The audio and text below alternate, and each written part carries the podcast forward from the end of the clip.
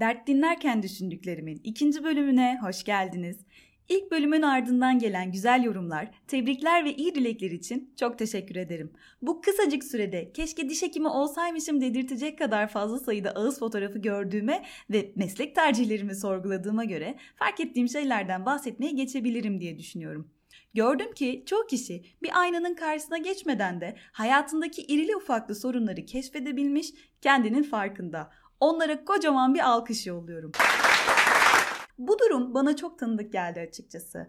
Hmm, yanlış hatırlamıyorsam 2020 yazında şu ünlü psikiyatristin kitaplarından uyarlanan diziler yayına girmişti ve o zamanlar seanslara yapılan başvurularda inanılmaz bir patlama olmuştu.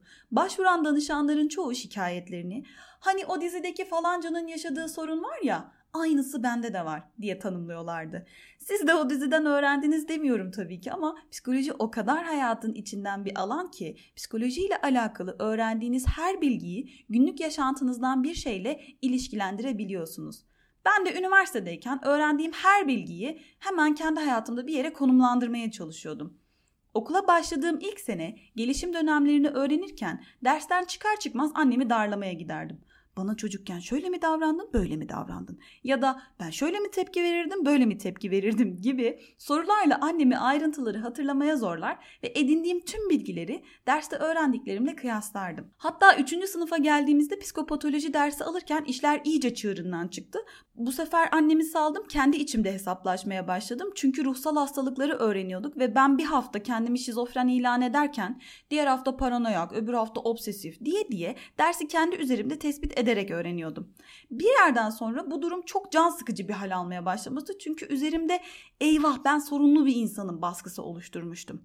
İçimde oluşturduğum baskıyla ne yapacağımı bilemezken kutsal görevim aşkına kendimi bir terapi odasında buldum. Tabii danışan koltuğunda oturuyordum. Alana ne kadar hakimsiniz bilmiyorum ama terapistlerin de terapiye gitmeleri mesleki ve kişisel gelişimleri için önemlidir. Mesleki performanslarını artırmanın yanında kendi kişisel zorluklarıyla daha iyi başa çıkabilmelerine yardımcı olur. Seans yaptıkça ve kendim terapiye gittikçe fark ettim ki sorunları değerlendirebilme yeteneği sadece biz insanların sahip olduğu bir zehir ve panzehir. Bizler tıpkı antivirüs programı gibi herhangi bir konudaki herhangi bir sorunu kolaylıkla tespit edebilmeye kodlanmışız. Bu yetenek sayesinde tehlikeleri ve sorunlara karşı sürekli önlem alıyoruz, güçleniyoruz ve hayatta kalıyoruz. Ama işler bize gelince program kendinde de virüs bulup birer birer sıralıyor. İnsanın kendinde sorun bulması bazen işe yarasa da bazen karamsar ve çaresiz hissetmesine sebep oluyor. Nereden biliyorsun diye sormayın. Çünkü öyle bir kodlanmışız ki beklentilerimiz bizi hiçbir sorunun olmaması yönünde sürekli çözüm bulmaya itiyor. Çözüm bulmak uğruna derin araştırmalara girip yoğun uğraşlar veriyoruz. Ama burada bir ayrıma varmamız gerekiyor. Çünkü psikolojide içinde bulunan durumu sorun olarak tanımlayabilmek için çok önemli bir kriter vardır. Biz ona işlevsellik deriz. İşlev dediğimiz şeyler de yemek yeme, uyku düzeni, kişisel bakım, iş yerinde, okulda, günlük yaşantıda sosyalleşebilme ve ilişkileri devam ettirme becerileri gibi temel alanlardır. Eğer içinde bulunduğumuz durum günlük yaşantımızın düzenini bozuyorsa, sonucunda yaşam kalitemizde düşüş meydana gelir, psikolojik ve fiziksel özelliklerimiz etkilenir, ilişkilerimizde sorunları yaşarız ve bu işlemin bozulmasıdır.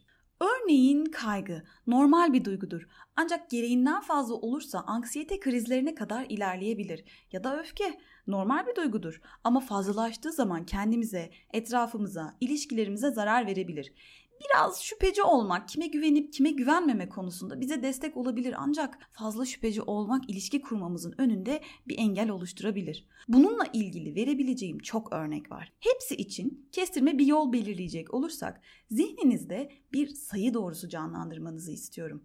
Tam orta noktasını sıfır olarak belirleyin. Sağından ve solundan eşit uzaklıklara da birer işaret koyun. Sağdaki ve soldaki işaretlerin arasında kalan alana sağlıklı aralık diyelim. Bu sağlıklı aralığın içerisinde duygularımız, düşüncelerimiz, davranışlarımız biraz fazlalaşabilir ya da azalabilir. Ancak o sağlıklı aralığın dışına yaşamsal işlevimizi bozmaya yetecek kadar uzun süreler boyunca çıktığımız zaman yardım almak gerekebilir. Tüm düşünceleri, duyguları ve davranışları değerlendirmek için bu sayı doğrusunu kullanabiliriz. İlk bölümde sorunları fark etmeyi anlatmaya çalışmıştım. Evet, kendimizdeki sorunları fark etmek önemlidir. Ancak bazen kendimizi de rahat bırakmamız gerekebilir. Burada belirleyici olan içimizdeki sorunun işlevi bozup bozmamasıdır. Siz de kendinizde bir sorun tespit ederseniz işlevinizi bozup bozmadığına bakarak ilerleyebilirsiniz. Çünkü bazen seanslarda danışanların bir şeyler anlatırken istemsizce içimden e bu bende de var diye geçiriyorum. Sonra zihnimde kocaman bir ekran açılıyor. Üzerinde de kendimde virüs buldun yazıyor. Ben de oradan daha sonra hatırlatı seçip devam ediyorum. Sorunlar normaldir diyorum ve bu kadar farkındalığın yettiğine inanarak bölümü kapatıyorum. Diğer bölümlerden haberdar olmak için beni takip etmeyi unutmayın. Instagram adım dert dinlerken düşündüklerim. Oradan yorumlarınızı mutlaka bekliyorum. Bir sonraki bölümde görüşmek üzere. Kendinize iyi bakın. Virüslerinizi tespit etmeyi unutmayın ama her virüsü de kurcalamayın. Hoşçakalın.